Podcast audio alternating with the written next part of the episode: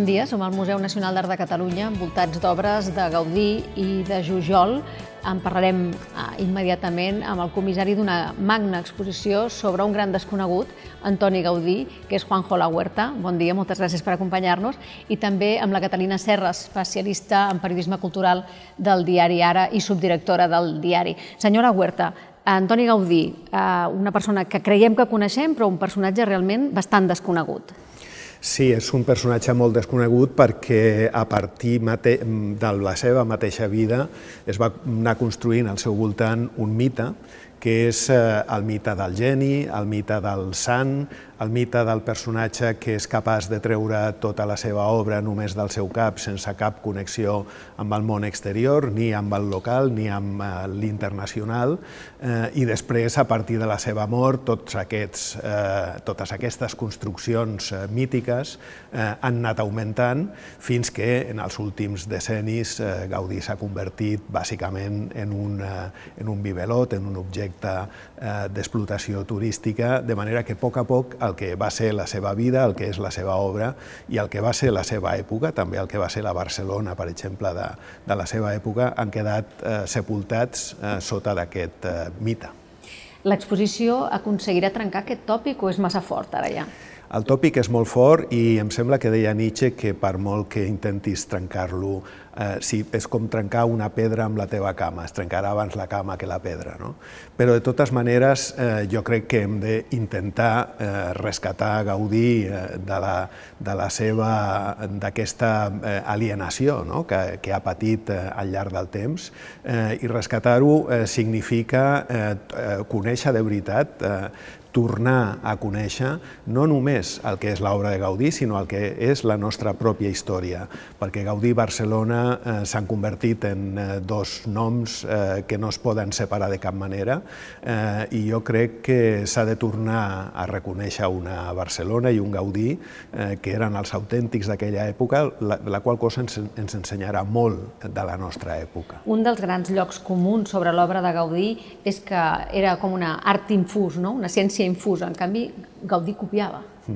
Sí, sí, Gaudí, com tots els grans artistes i com tots els grans arquitectes, eh, copiava eh, per aprendre. O sigui, tots els eh, artistes, eh, la base, de fet, de, de l'art occidental és la imitatio, és a dir, la imitació. No? Eh, Gaudí, eh, en la, durant la seva carrera, va viure en un ambient intel·lectual eh, molt intens, que era el de l'Escola d'Arquitectura de Barcelona, en general el de, el, de la, el de la ciutat de Barcelona en plena transformació. Eh, va viure, a més, a través de, dels llibres, a través de les fotografies, eh, a través de tot tipus de contactes, eh, un món eh, de transformació del de, que entenem per l'arquitectura, pel disseny, per l'art eh, a tota Europa. Ell es va fixar molt en eh, un grup de eh, reformadors eh, anglesos que comencen a meitat del segle XIX amb el, amb el Crystal Palace i que són els mateixos que funden el Victorian Albert eh, Museum.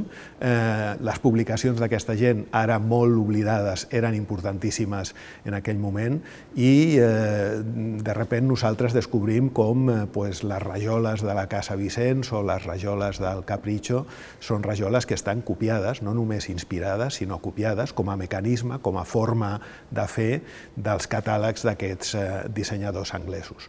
O molt després, per exemple, quan Gaudí ja era un arquitecte amb una carrera eh, molt sòlida i molt reconegut, eh, l'aparició d'arquitectes a París més joves que ell, com per exemple Héctor Guimard, o a Brussel·les com Víctor Horta, fa que Gaudí canvi moltes de les seves eh, eh, visions eh, formals eh, i que també aquest contacte amb altres, eh, amb, la, amb el que succeeix eh, fora de les, aquesta espècie de eh, món propi, que en realitat no va existir mai com a tal, eh, transformi eh, radicalment, podríem dir, la seva obra.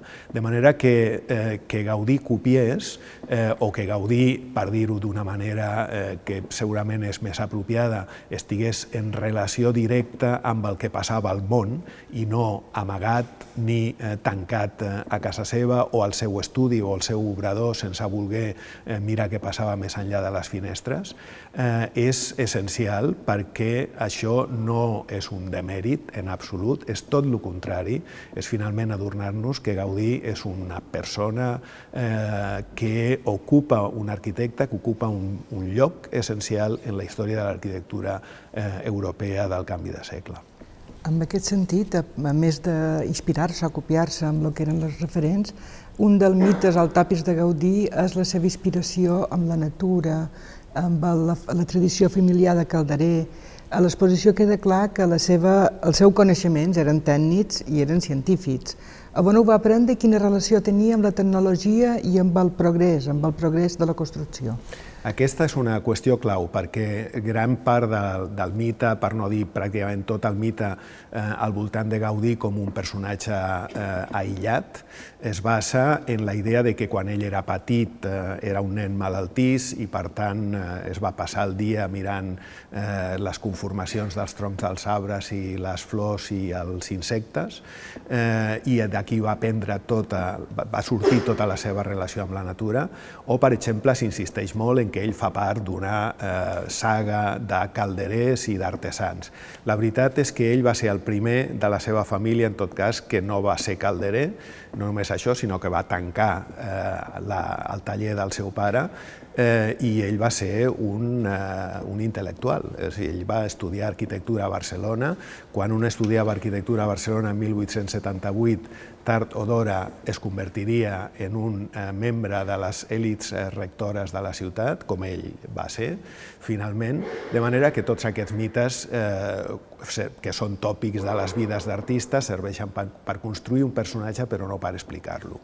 En canvi, eh, la veritat és que ell, eh, a l'Escola d'Arquitectura, va tenir al seu abast una gran biblioteca, eh, va tenir al seu abast grans col·leccions de fotografia, va estar en contacte també amb arquitectes i amb burgesos eh, de la ciutat de Barcelona, sigui Joan Martorell, sigui més tard eh, el, el mateix eh, Eusebi Güell, que li van obrir també mm, els ulls a moltes coses molt complexes i molt variades, de manera que la seva formació és una formació intel·lectual dins d'unes discussions intel·lectuals.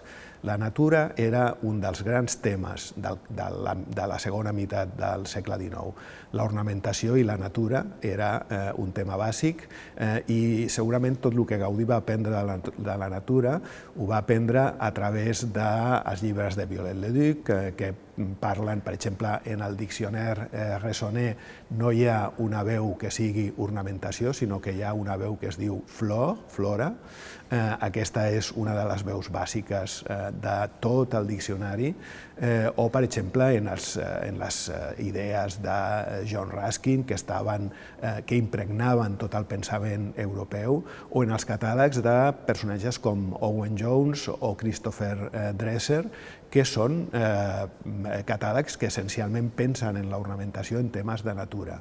Per tant, és una formació que correspon amb la formació i amb les discussions i amb les polèmiques eh, de l'època. En el cas de la tecnologia és el mateix. Gaudí el 1878, quan acaba la seva carrera, eh, la carrera d'arquitecte, eh, es posa a escriure uns textos que comencen dient eh, quiero eh, hacer estudios serios de ornamentació, és, de, és a dir, que la intenció és realment eh, eh, ambiciosa, i, i en aquests textos, eh, curiosament, sorprenentment, si és que pensem en, en aquest Gaudí mític eh, que li va sortir tot de ciència infusa, com abans deies tu, eh, el que ell eh, propugna justament és eh, que prestem eh, la més gran atenció als mitjans de producció de la nostra època.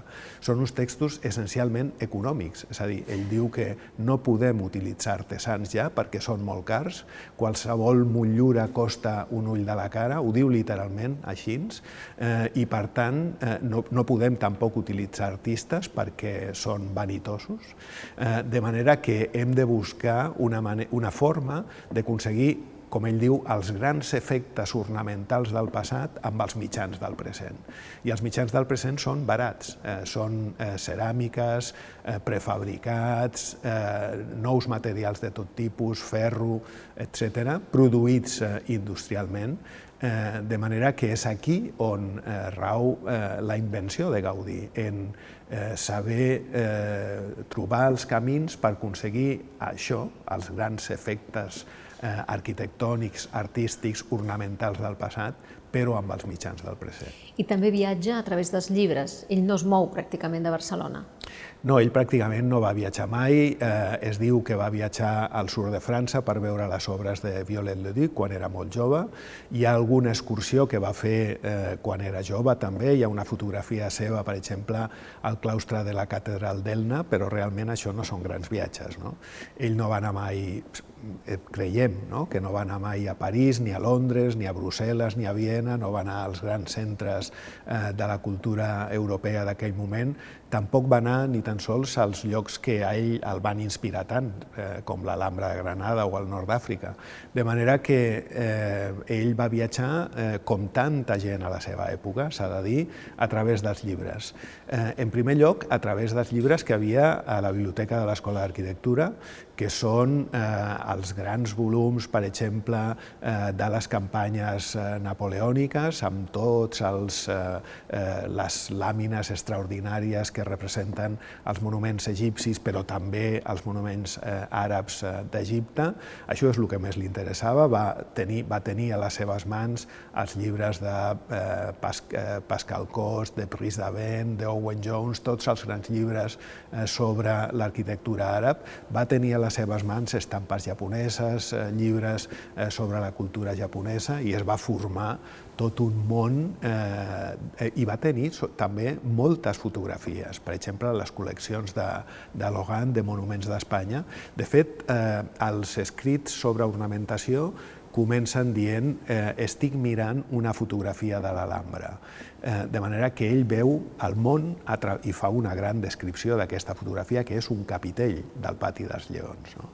A través d'això ell veu el món i el construeix.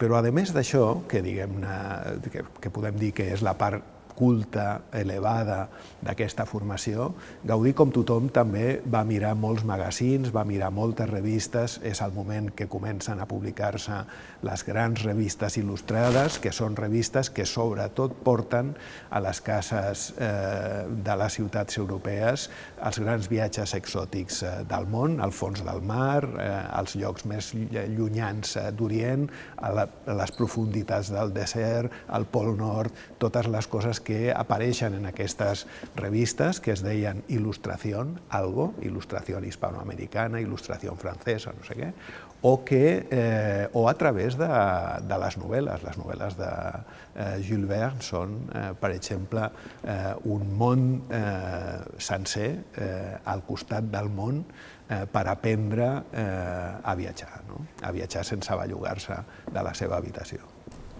Uh, anem una mica al, al seu context històric de Barcelona. És dir, mm, com era Gaudí, posa'm per cas, el 1921, què li passava i què li havia passat en, en, en aquell moment? El 1921, eh, és a dir, fa just 100 eh, anys, eh, Gaudí estava al final de la seva eh, carrera, Eh, això és una cosa, diguem-ne, que està clara i que ell també ho devia saber perquè feia ja pràcticament 10 anys, potser més fins i tot, que només es dedicava a la Sagrada Família i estava també al final de la seva vida, cosa que m'imagino que ell no ho sabia encara, però s'ho podia imaginar perquè eh, ja eh, començava a tenir una edat eh, com apareix, eh, que ell mateix representa amb el seu aspecte, com es veu, per exemple, en les fotografies d'aquesta època. De manera que estem, eh, al 1921 estem veient un Gaudí eh, que ja pot mirar enrere, igual que tota la ciutat de Barcelona i que el món sencer, perquè Gaudí era molt més conegut de lo que sempre es diu, al món, no, no només aquí, eh, pot mirar enrere i veure tota la seva obra.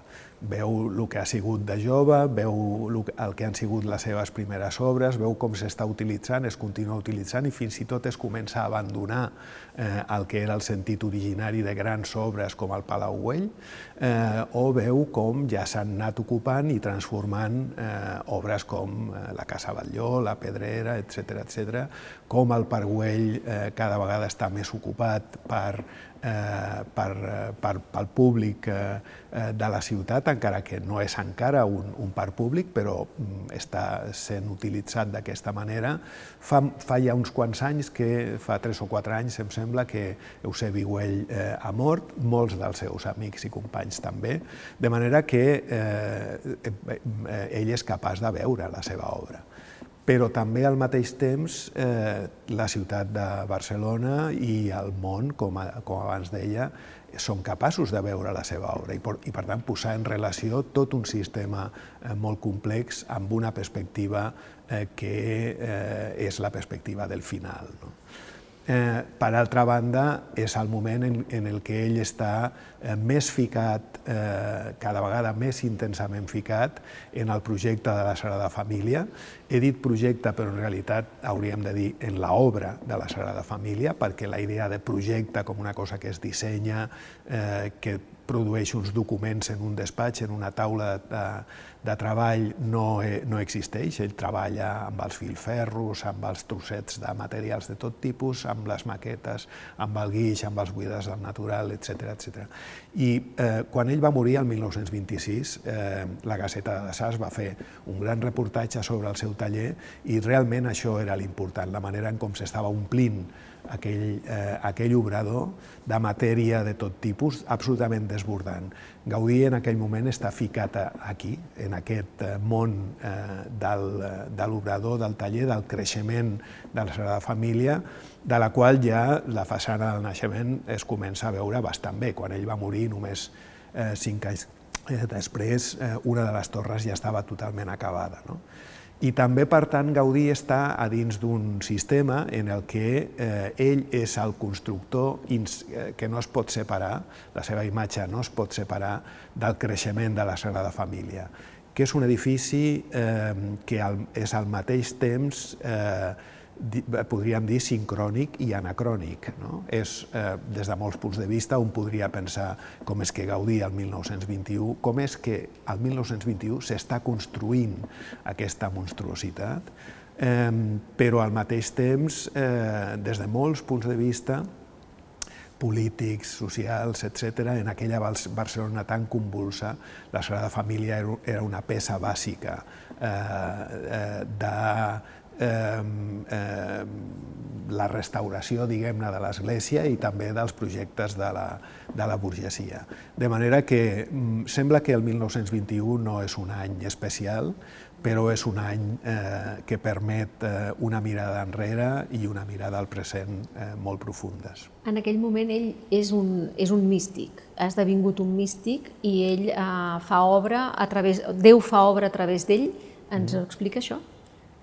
Bueno, jo no crec... Eh, eh, eh, hi ha una, una... En aquell moment mateix de Gaudí es parlava com d'un místic i quan va morir, eh, els obituaris, que van ser moltíssims, van parlar d'ell com a sant, com a místic, el van comparar amb Francesc d'Assís, eh, van, eh, molts títols d'aquells obituaris eren el geni i el sant, l'arquitecte de Déu, etc etc. Però en realitat Gaudí, mm, un místic en el sentit que, que nosaltres hem d'entendre eh, històricament per lo que és eh, un místic, no ho era. Era una eh? seta. Eh, bueno, això segurament sí, no? Era, era un, un personatge eh, que en alguns punts de vista de la seva de la seva actitud i de la seva vida eh, tenia un cert eh, caràcter eh, ascètic, però en altres no. Eh? Era, eh, era un personatge molt lligat a la, al món material, molt, molt. La, la visió de la, del taller, per exemple, com a,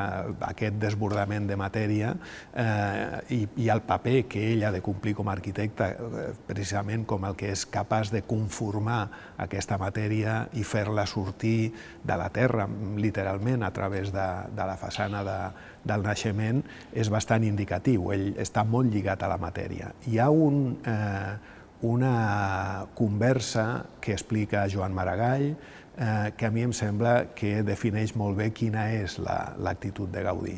Molt, és, és molt d'hora, eh? és un 1900 poc. Eh, Maragall escriu a un amic seu una carta en la que li diu, entre altres coses, eh, ahir vaig estar amb Gaudí passejant per, per, per, per Güell, em va estar parlant de la llum, del color, del Mediterrani i vam estar d'acord eh, fins que va arribar un punt que no podíem estar d'acord perquè ell en la matèria eh, veu la llei del pecat i Maragall posa punts suspensius i acaba amb, una, eh, amb un signe d'admiració dient i s'hi delita. No? De manera que eh, hi ha un joc eh, de la, basat en la tentació de la matèria, essencialment, que és el joc de Gaudí. Eh, no és eh, no és algú que abandona el món per entrar en contacte directe amb Déu com Sant, Joan, Sant Joan de la Creu. No. és, eh, és un personatge que està al món, al món eh, contínuament temptat per la matèria, contínuament eh, eh, caient en el pecat de la matèria, perquè aquesta és la tentació eh, essencial, en, en el pecat del món, no? Eh, però al mateix temps eh, això crea una necessitat de eh, eh, remordiment, eh, de penediment eh, constant, de redempció en definitiva, que és el que és el temple de la Sagrada Família, un temple eh, redentor.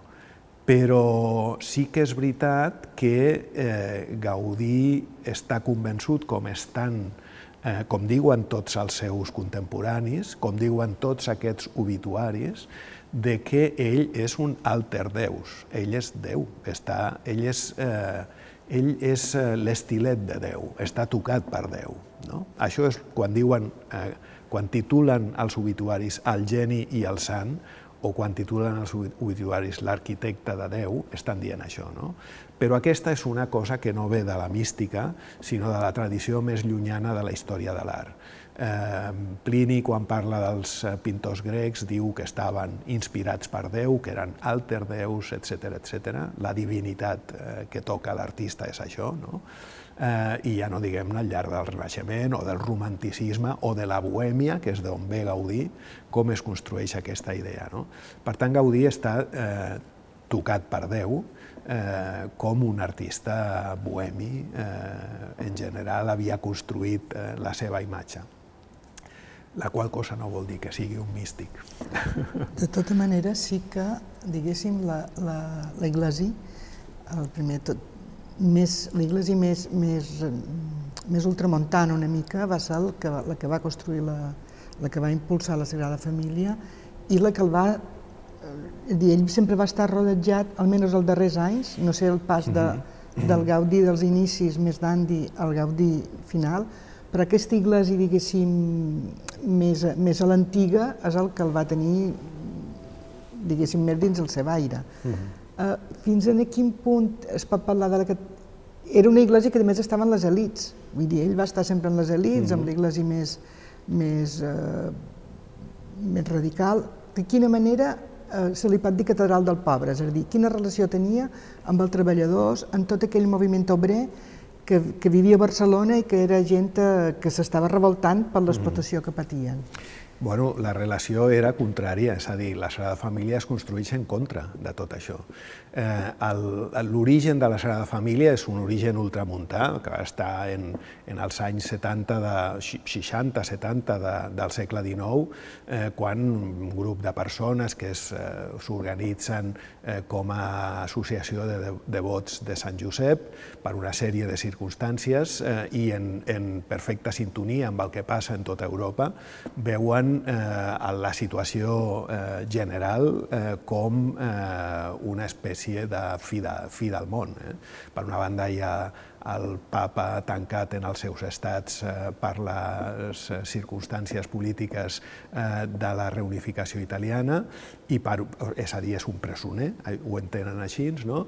i per una altra banda, eh, Europa és una Europa revolucionària, i a París, per exemple, eh, la construcció del Sacré-Cœur, que és un gran model, eh, un temple expiatori, que és el gran model de la Sagrada Família, eh, es decideix després de la comuna, és a dir, que eh, el que es redimeix eh, amb aquests temples expiatoris és el pecat de la lluita de classes i es construeixen en contra, evidentment, d'un poble organitzat com a poble revolucionari, eh, com, a, com a poble proletari. No?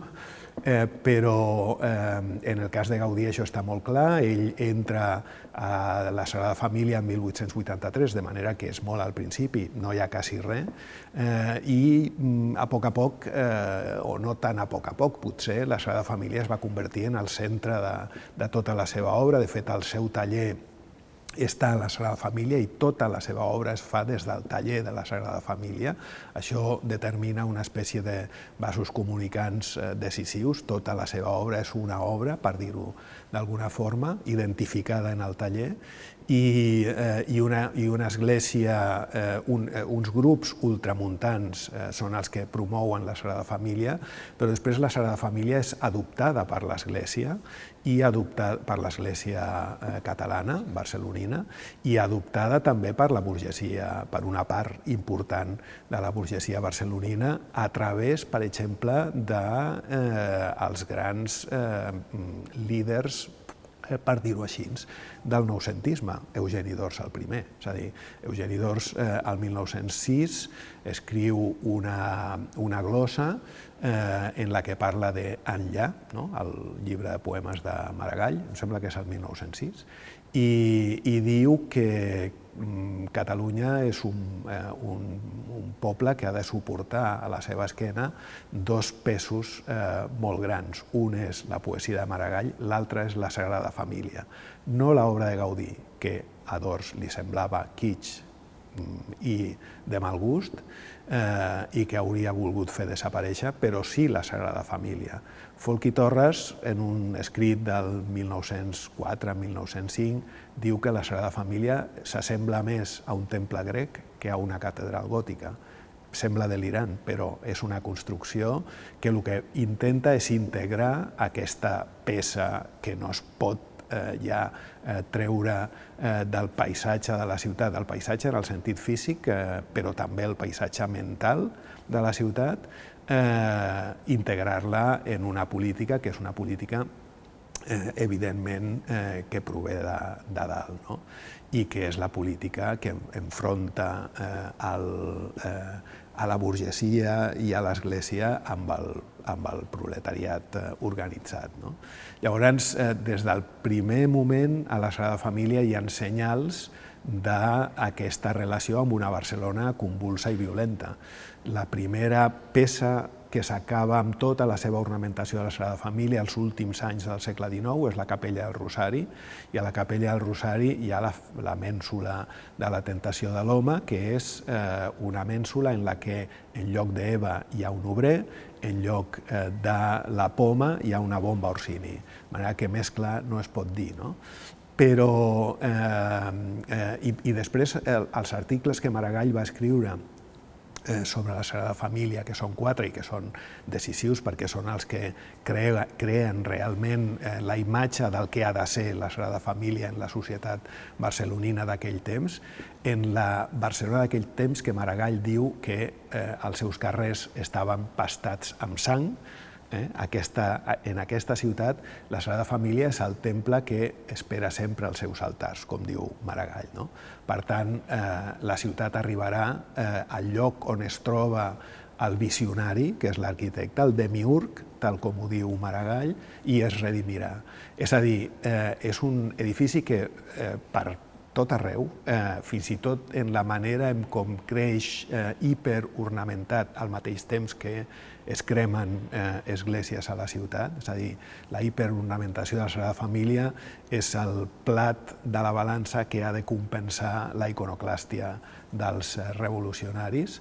Eh, en tots els detalls, en tots els aspectes, la Sagrada Família està construïda contra la Barcelona revolucionària. Aquesta és eh, una evidència que eh, està clar des del principi, però que sobretot eh, es fa palesa eh, ja en el segle XX a partir eh, especialment de la Setmana Tràgica i, evidentment, al, al, al 1921 això estava claríssim perquè Barcelona llavors era una ciutat extremadament violenta. No?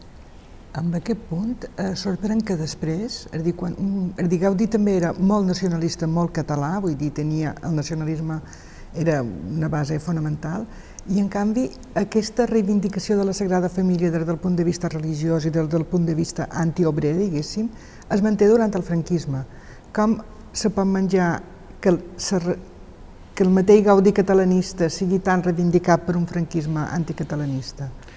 Bueno, jo crec que amb Gaudí, que és, una, és, un, és un personatge, és a dir, ja no és Gaudí ni és l'obra de Gaudí, sinó un personatge que es diu Gaudí, eh, les manipulacions que s'han fet després de la seva mort i també després de, de la Guerra Civil són eh, infinites. És a dir, per, podríem parlar, per exemple, de com eh, de Gaudí s'han retallat alguns elements, eh, les ximeneies de la pedrera, els ferros de les, bar de les baranes, el trencadís, per reinventar un Gaudí que és el precursor de totes les avantguardes i que és el precursor d'Art, de Calder, de Miró i de qui sigui. No? Eh, de la mateixa manera, eh, als anys 30 eh, i després, evidentment, eh, en el franquisme, Gaudí és, eh, bueno, netejat, literalment, del seu eh, catalanisme, dintre del que cap, però bueno, això, això es fa, tampoc és eh, tan difícil quan es tenen els mitjans eh, per fer-ho, eh, igual que quan se'l recupera com un gran eh, precursor de les vanguardes, és netejat del seu eh, ultracatolicisme i del seu ultrareaccionarisme des del punt de vista eh, ideològic. No? Però, per altra banda, s'ha de pensar que eh, la burgesia per la que Gaudí treballava eh, i l'Església per la que Gaudí treballava són els que van guanyar la guerra. És a dir, que no costa gaire fer, continuar fent d'aquest eh, objecte gegant eh, que és la Sagrada Família tan carregat de poder eh, simbòlic tan capaç de construir simbologia, una simbologia cada vegada més sentimental, és a dir, que eh, hi ha una relació mm, eh, eh, patètica de la ciutat amb la Sagrada Família a partir d'un moment en el que tot això es barreja, però jo no ho veig tan estrany, no? o sigui, els que Gaudí treballava pels que al 1939 van guanyar la guerra.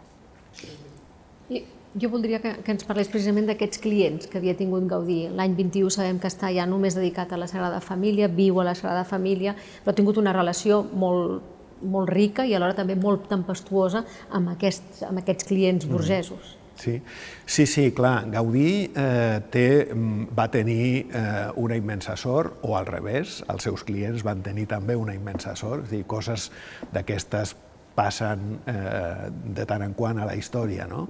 Perquè eh, l'obra de Gaudí, evidentment, va ser possible, en primer lloc, perquè hi havia un personatge com Eusebi Güell, eh, bueno, va ser possible perquè Gaudí era capaç de, de proposar-la i de portar-la a terme, que no, no era tan fàcil.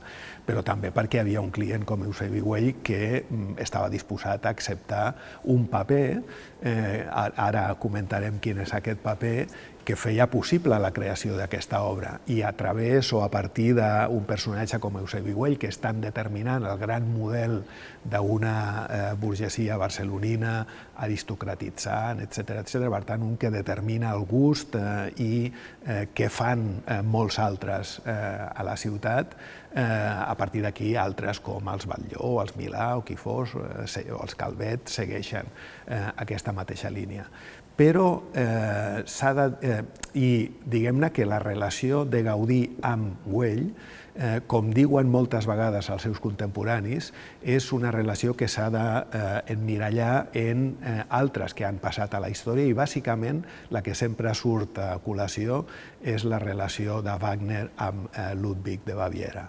Llavors, la idea és, eh, ja no es tracta de que hi ha un gran patró que eh, té eh, al seu abast el treball de grans artistes, com X tenia a Rafael i a Miquel Àngel. No? Eh, del que es tracta és de que eh, hi ha grans patrons que permeten absoluta llibertat als seus artistes, que això és molt diferent. No? Wagner fa el que vol i Gaudí fa el que vol. I eh, el prestigi del seu patró és, rau en la excentricitat que ell permet al seu artista. I això és una cosa que mm, eh, està, eh, eh, és perfectament reconeguda a la seva, a la seva època. Però, per una altra banda, eh, el personatge eh, Gaudí d'aquests moments de final del segle XIX, principis del segle XX, té una arrel en, en, la, eh, en la Europa de, del moment molt perfectament establerta, molt clara, que és la bohèmia. O sigui, Gaudí eh, té una, hi ha un, algo excepcional amb ell, és que és un arquitecte bohemi, eh, molt excèntric, que eh, l'excentricitat, naturalment, és una virtut positiva en la bohèmia, eh, que, que aconsegueix fer les seves obres. Van haver molts a Europa, molt excèntrics, que van dibuixar molt i no van construir res els artistes poden ser més fàcilment bohemis, perquè pintar una pintura no és el mateix que construir un edifici. No? Eh, però, en tot cas, l'arrel és la bohèmia. I la bohèmia és eh, la manera en la que els artistes del segle XIX diguem construeixen eh, un sistema per fugir del, del que realment és l'art, que és un, una mercaderia, no?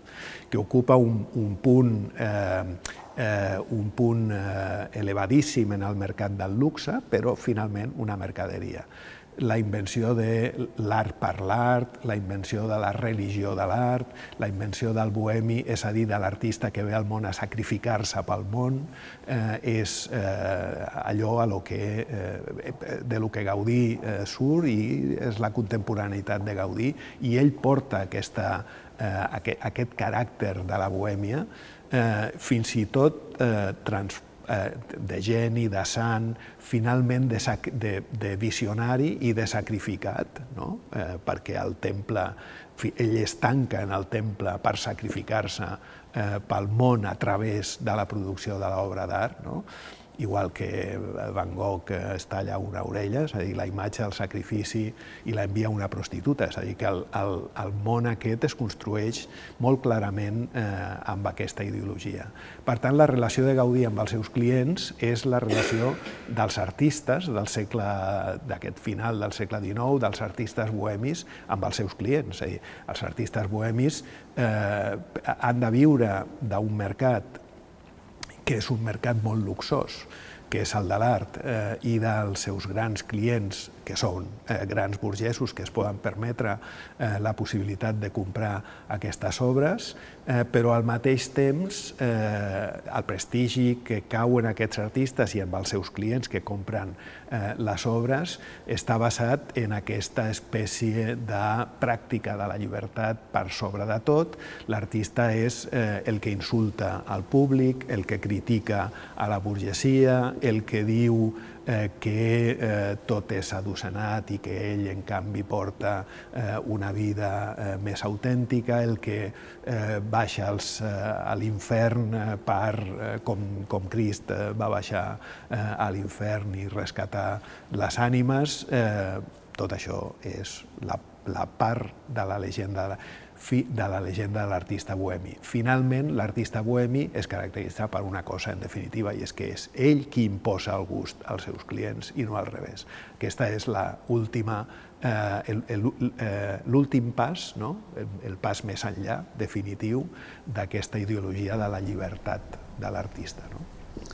I una cosa que em crida l'atenció, per què Gaudí era pobre, o era pobre? Vull dir, Domènec Montaner, Puig i Cadafal, que eren arquitectes com ell de, del seu moment, van fer grans obres i eren polítics, eh, van ser mm, senyors mm, amb diners, burgesos que feien, que decidien, que tenien càrrecs. Ell, que va fer moltes obres també, la visió que tenim és ni, de, ni va voler ser polític, ni va voler entrar en res que sigui d'administració, mm. I a més una imatge de pobresa que no s'entén, no li pagaven, mm. què passava?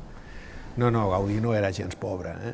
El, el, a veure, hi ha una qüestió que és molt important i és que la manera d'intervenir en la eh, societat de la seva època, Gaudí escolleix un altre camí molt diferent que el de Domènec o el de Puig, per exemple. No? que són arquitectes que, a més, tenen una formació, mm, eh, diguem-ne, eh, molt característica de l'època, també són arqueòlegs, eh, eh, no sé, eh, els encanta la heràldica, la història, estan a tot arreu una mica, però a més també assumeixen un paper, com correspon als intel·lectuals de l'època, eh, directament eh, dintre de, de l'estructura política i fins i tot administrativa d'aquesta societat. No?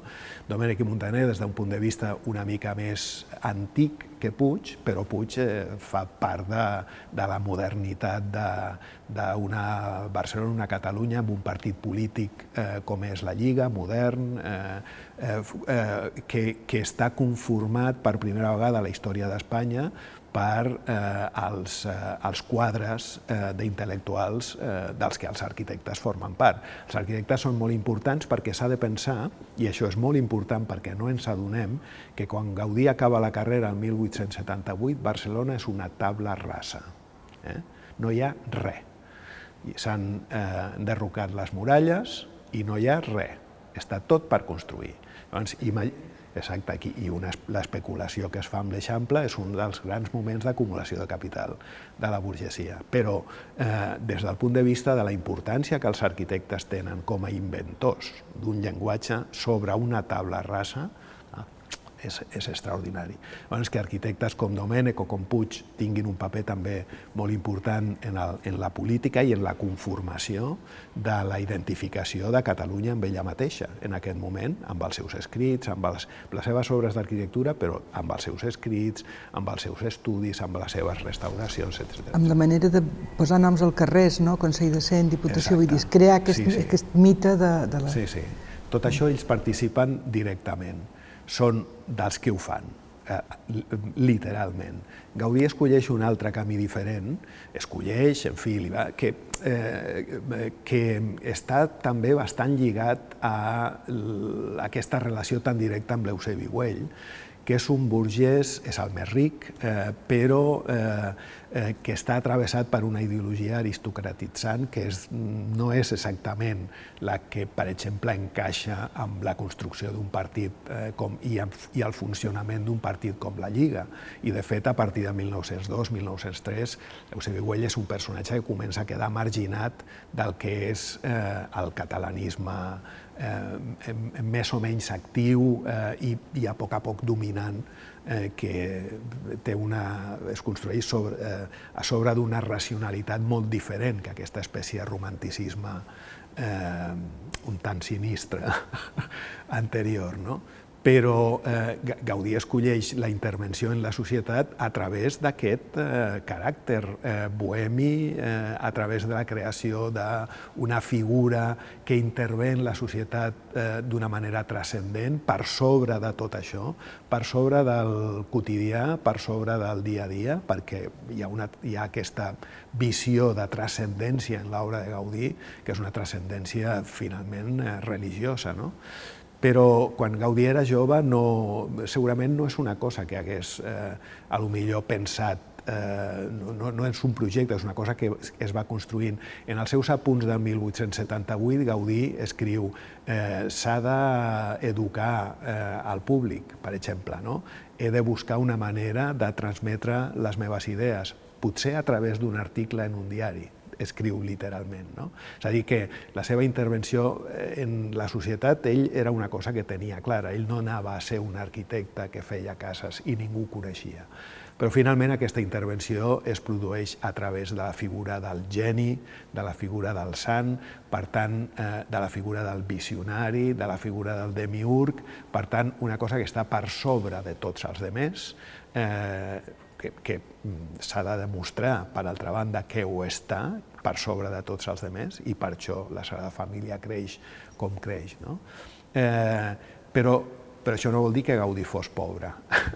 Hi ha un mite al voltant de Gaudí, eh, sobretot construït en l'instant mateix de la seva mort, que, però que ja venia de, de lluny, que és que Gaudí eh, mor com un pobre, no és reconegut, eh, passa tres dies eh, eh, en un llit de l'hospital sense que ningú se n'adoni eh, que és Gaudí, etc etc. Bé, mm, eh, tots els obituaris expliquen aquestes circumstàncies eh, fil per randa, no? Eh, a més, tres dies d'agonia, en fi, és, eh, tot coincideix amb la imatge crística que ell eh, també vol eh, transmetre. Bueno, ell no, en aquest moment ja els seus eh, comentaristes. No? I, eh, però Gaudí eh, és d'una família d'artesans que van tenir la possibilitat d'enviar el seu fill a estudiar a Barcelona, és a dir, que no era... La, la promoció de Gaudí són quatre arquitectes, no són 3.000 com ara, són quatre. De manera que s'han de, de tenir possibilitats. Eh, potser van, a fer, van fer algun sacrifici, però eh, tenien possibilitats. La seva família tenien eh, una eh, un, un taller artesà, una caldereria, però eren eh, també rentistes, eh, com tanta gent eh, eh, en, aquella, en aquella època. Gaudí cobrava molts diners als seus clients i, per exemple, el pleit que manté amb, amb els Milà és un pleit que em sembla que era com de mig milió de pessetes d'aquells anys. No? Després ell aquests diners els dona a la Sagrada Família, totes les, les, quan mor el seu pare també sembla que eh, les seves propietats, o en aquell moment o més tard, però les dona al temple, etc etc. Però no, no era un, eh, una, una persona pobra. Una altra cosa és que ell eh, renunciés a mm, uns luxes que semblaven eh, eh, quasi necessaris, característics eh, d'una figura com, un eh, com la que representa un arquitecte tan important però, és una, la, però la cosa és diferent. No? Hi ha un, eh, una dedicació a la Sagrada Família, però Gaudí era un arquitecte caríssim, per això va tenir tan pocs clients. Caríssim en el sentit de que segurament cobrava grans honoraris, almenys com es demostra perquè és pleit amb els Milà, però també caríssim perquè les seves obres costaven molts diners. És a dir, no, no, era, eh, no qualsevol podia permetre's un Gaudí i per això els Balló i els Milà eh, volen tenir un Gaudí i acaben amb ell eh, en conflicte i per això també a partir de 1909-1910 Gaudí es retira a la Sagrada Família perquè el seu únic client possible és Déu, però, però també perquè és que ja no tenia clients. Havia acabat barallat amb els Batlló, amb els Milà, amb la Catedral de Mallorca, amb tants altres, no? I, i hi havia, eh, i diguem-ne que Eusebi Güell estava canviant de política també respecte al que era la seva eh, presentació pública eh, davant la, de la societat, de manera que Gaudí certament anava quedant marginat de lo que eren tots aquests encàrrecs eh, burgesos, no? Eh, i, i, I aquesta també s'ha de considerar com una de les raons per les que ell es tanca a la Sagrada Família. Per què aquesta relació tan pastuosa amb els clients? Bueno, eh, hi ha una... Eh, eh, Diguem-ne que això està determinat eh, en principi pel, pel caràcter de l'arquitecte bohemi, és a dir, allò que deia abans de que l'artista bohemi és un artista que imposa el seu gust als seus clients. Eh, si eh, de lo que es tracta és de pintar un quadre, no hi ha gaire problema, perquè es penja a la paret o no es penja, però si de lo que es tracta és de construir la teva casa, poden haver problemes. No? I, per exemple, a la Casa Batlló, Gaudí és qui havia de dissenyar fins a l'últim element de la casa. No? Eh, hi ha unes eh, fotografies de la casa, dels interiors de la Casa Batlló, que són ja dels anys 20, eh, i que mostren eh, la manera tan eh, difícil en la que poden encaixar eh, eh, les, els gustos eh, i la vida quotidiana d'una família dins d'aquella casa amb la casa mateixa. No? Eh, amb aquelles parets corbes no es podien penjar els quadres que tenien els Batlló. Els mobles que Gaudí els havia dissenyat són magnífics, però no era eh, exactament eh, el que ells volien o no només el que ells volien. No? I llavors hi ha un conflicte claríssim eh, de fins a on pot arribar l'arquitecte definint fins a l'últim detall la vida, la vida quotidiana, l'interior, no? Eh, d'una família com els Batlló. En el cas des, dels Milà eh, passa el mateix. Sembla eh, bastant clarament eh, que la senyora Milà mm, no, en cap moment va estar molt d'acord amb Gaudí, eh, però hi ha eh, moments decisius, com per exemple quan eh, Gaudí i Jujol van escriure en el tocador de la senyora Milà Memento homo cui pulvis eris et impulverem reverteris. No? O sigui, recorda, home, aquests pols i en pols et transformaràs. Clar, la senyora Milà ho va fer burra, però, eh, diguem-ne, o, o per exemple, quan Gaudí volia que la culminació de la pedrera fos una gran imatge eh, de la verge del Rosari, no? La senyora Milà es deia Rosario Segimon, però bueno, no estava disposada a això, menys encara eh, en ple 1909-1910, quan eh, s'havien cremat més de 100 esglésies, col·legis religiosos i eh, eh, convents a Barcelona. No? Eh, Gaudí no cedeix eh, quan té aquestes idees. Per tant, però no cedeix, però és que eh, sigui en ell, sigui en els artistes bohemis, jo abans posava l'exemple de Van Gogh, que és absolutament contemporani de Gaudí, absolutament contemporani, eh, quan un mira històries de l'art, da la impressió de que Gaudí està en, un, en el primer volum i Van Gogh en el segon. No. Neixen quasi al mateix moment, Van Gogh mor molt abans perquè es suïcida, però són contemporanis. No? Llavors, eh, és bàsic en el, la, constru la construcció del prestigi mateix d'aquests artistes eh, la, la, eh, el conflicte amb el client, perquè la base de l'artista bohemi és eh, el conflicte amb la, amb la burgesia que és el seu client, de totes maneres. És molt complicat, però és així. Vostè ha citat fa un moment una, un altre arquitecte bàsic en l'obra de Gaudí, que és Jujol. En quin moment comença i acaba l'obra d'un i de l'altre? Quan treballen junts jo crec que no hi ha diferència, són una sola persona. No? Eh, Gaudí no, no va, va utilitzar molts, eh, molts ajudants al llarg de la seva carrera, alguns realment de gran categoria, per exemple, un arquitecte com Berenguer, és un, jo crec que és un gran arquitecte, amb poques oportunitats, però un gran arquitecte, però evidentment el cas de Jujol és totalment diferent de tots els demés. No? Eh, Jujol eh, comença a treballar amb Gaudí segurament en els últims anys ja de la seva carrera, sembla, podria ser, no? potser a la Casa Batlló, no està molt clar, però podria ser, i evidentment a llocs com la Pedrera o eh, com el Parc Güell, o com eh, la Catedral de Mallorca, Jujol és un personatge essencial. Però eh, jo crec que eh, aquesta discussió eh, eh, que eh, s'ha posat eh, de moda des de fa ja bastants anys eh, de si això és de Jujol o és de Gaudí és una discussió purament acadèmica que no porta enlloc. No? Aquesta distinció no es produeix. Hi ha un, eh, una anècdota que jo explico sempre, eh, que passa a la Sagrada Família i que eh, l'expliquen eh, alguns dels protagonistes contraris a l'obra de, de Gaudí i Jujol, molt després, als anys 60, en la que apareix eh, eh, Jujol llançant la pintura des dels pots eh, de pintura directament contra les, eh, les, el cadiram, eh, el venerable eh, cadiram gòtic del cor de Mallorca i deixant que regalimin les gotes de sang, eh, de sang perquè ell és el que pensava que era, no? pintura vermella eh, regalimant pel cadiram i Gaudí uns pas, uns, unes passes enrere dient molt bé, Jujol, molt bé. De manera que ha un, un, si Gaudí és l'estilet de Déu, Jujol és la mà de Gaudí. No? És dir, hi, ha, hi ha una transmissió, que és la transmissió de la inspiració, de la divinitat, no? eh, que els atravessa igualment.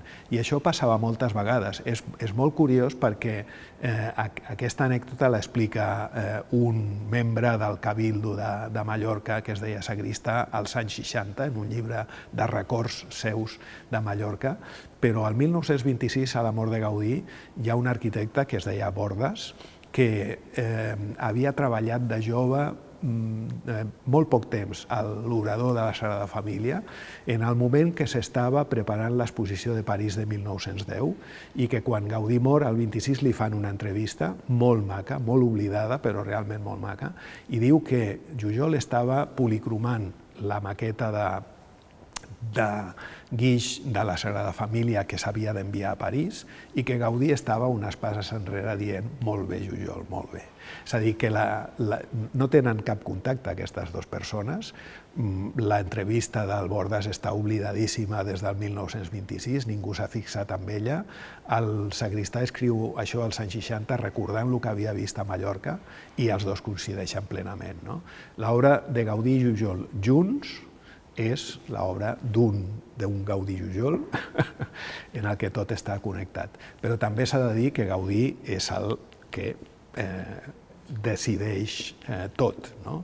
Jujol executa amb tota la llibertat que té i d'una manera meravellosa coses que estan en el plan de Gaudí. No? Per això Gaudí està uns, unes pares enrere dient molt bé, Jujol, molt bé. Una, diguéssim, una mica, el, se va intentar trencar aquest, tot aquest tòpics que hi havia sobre Gaudí a l'any 2002, amb l'any Gaudí, que va ser un moment clau, diguéssim, per aquesta recuperació de, de Gaudí.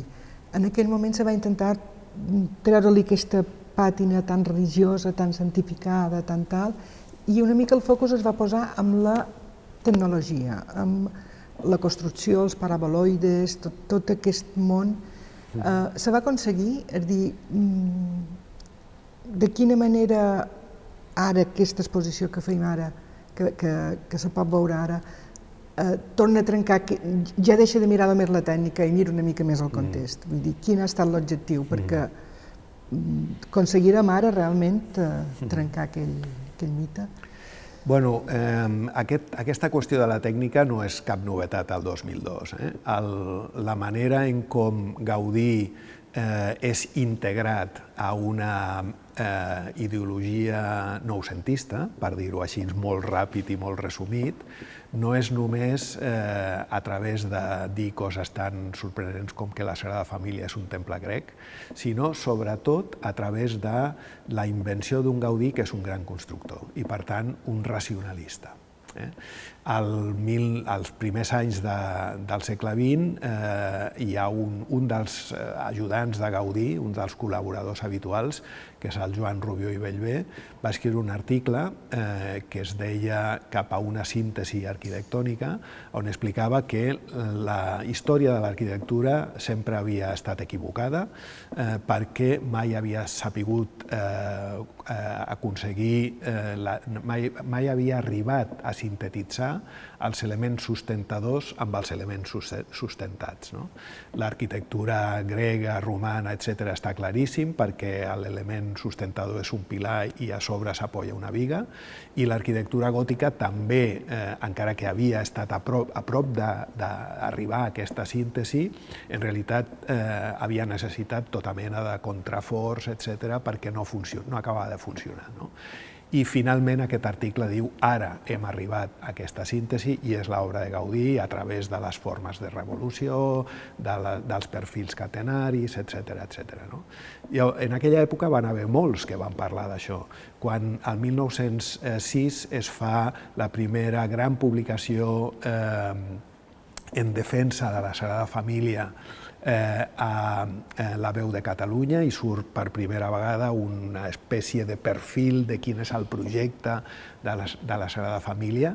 Hi ha eh, molts eh, grans caps del noucentisme que escriuen a favor de Gaudí eh, i eh, hi ha una part important dedicada a un Gaudí constructor, per tant, a un Gaudí racionalista. Res d'un Gaudí eh, que eh, eh, contínuament expert en l'excés eh, ornamental, en el caprici, etc etc. No, no, Gaudí és un racionalista. I aquesta és una, quan es publica la primera monografia de Gaudí el 1928, sempre es diu el llibre de Ràfols, però en realitat és el llibre de Ràfols i Folguera, els dos eren arquitectes, i la part de Folguera està tota dedicada a explicar les estructures de Gaudí. De manera que això ja havia existit sempre i jo crec que no està bé, i és una manera també de fugir del, del Gaudí eh, no només hiperornamental i capritxós, sinó del Gaudí eh, eh, amb ideologia, de la ideologia de Gaudí, perquè les estructures semblen una cosa molt neutra, no, no tenen ideologia, sí que tenen. Llavors, el, el, el 2002 es va posar en una de les exposicions, no? i en, bueno, en més d'una, crec, no?